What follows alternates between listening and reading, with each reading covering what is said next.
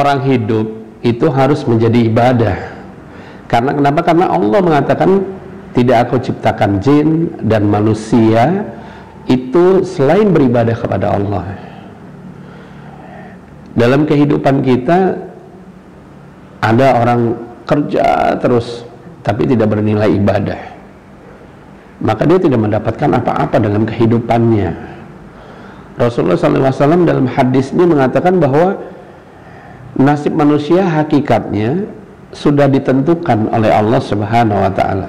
Termasuk rezeki termasuk ajal termasuk kesedihan termasuk kebahagiaannya. Jadi nggak ada yang bahagia semua. Ya nggak ada yang sedih semua. Lalu kemudian nggak ada yang meninggalnya buruk semua. Ya tidak ada yang miskin semua. Atau tidak ada yang kaya semua. Semuanya sudah Allah tentukan manusia itu diciptakan oleh Allah berdasarkan watak ya watak dan karakternya. Sehingga kita pernah dengar ya kalau uh, hidup itu ada empat unsur ya terutama bagi orang-orang Chinese nih ya. Orang Chinese mengatakan uh, ada elemen api ada elemen air ada elemen tanah ada elemen logam ya. Kemudian juga kita mengenal unsur dalam kehidupan kita. Ada kasar ada halus lalu ada panas ada dingin. Semuanya itu menandakan bahwa kalau tidak dicampur dalam kehidupan kita maka tidak jadi. Contoh kita minum kopi panas terus. Bisa diminum nggak nggak bisa diminum karena panas terus. Pasti dari panas kalau kita diamin akhirnya jadi di dingin. Atau kebalikannya kita minum dingin terus. Lama-lama kita sakit nggak? Sakit. Ya. Lalu kemudian uh, ada juga kasar terus ya. Maka nggak jadi. Orang nembokin rumah kasar terus nggak ada alusnya maka rumahnya bagus gak? nggak bagus. Atau halus semua. Ya orang bangun e, rumah nggak pakai pasir nggak pakai kerikil dia hanya pakai semen aja kira-kira jadi gak? jadi tapi nggak kuat. Ya bikin kue. Ya ada tepung terigu ada sagu. Ada gulanya nggak? Ada. Ada ada kerasnya ada halusnya. Maka dalam kehidupan itu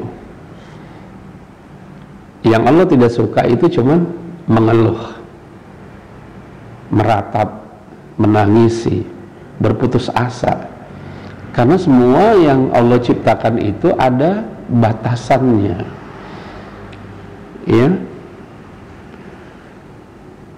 Kita dalam kehidupan pasti akan menemui itu.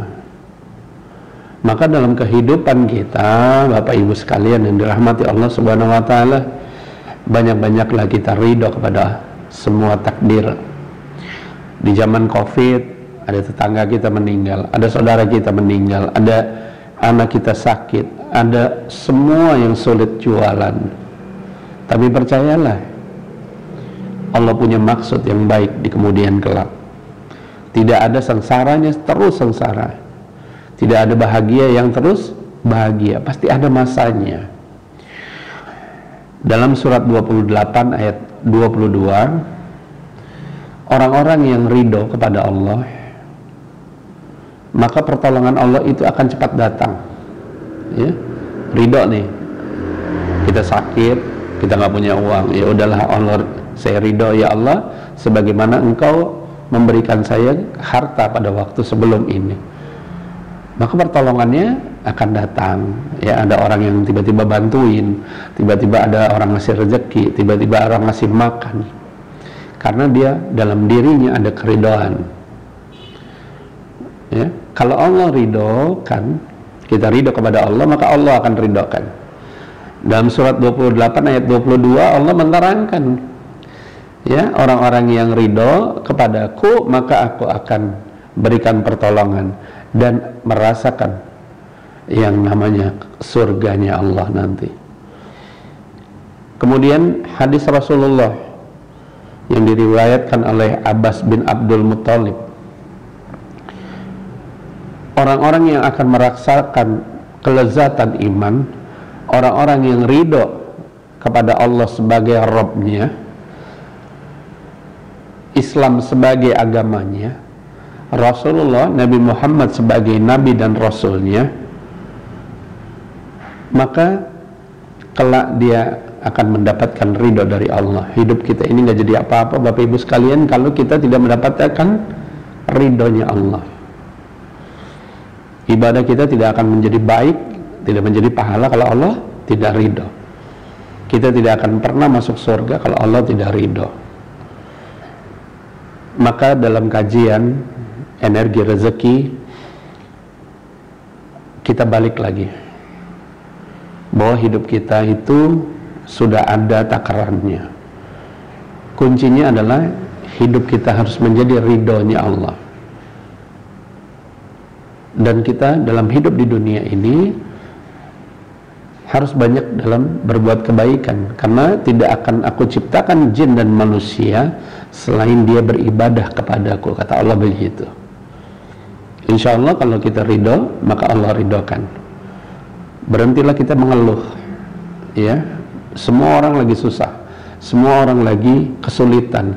Makin dekat dengan Allah makin banyak kita berbuat kebaikan makin banyak kita mengerjakan suatu amal kebaikan dan kita ridhokan proses perjalanan hidup kita ini yang sudah dua tahun ini hampir dua tahun menghadapi COVID-19 insya Allah kemudian kelak akan dimudahkan oleh Allah subhanahu wa ta'ala. Demikian kajian energi rezeki. Semoga kita meraih pahala dan Allah bukakan pintu rezeki kita dari arah mana pun. Assalamualaikum warahmatullahi wabarakatuh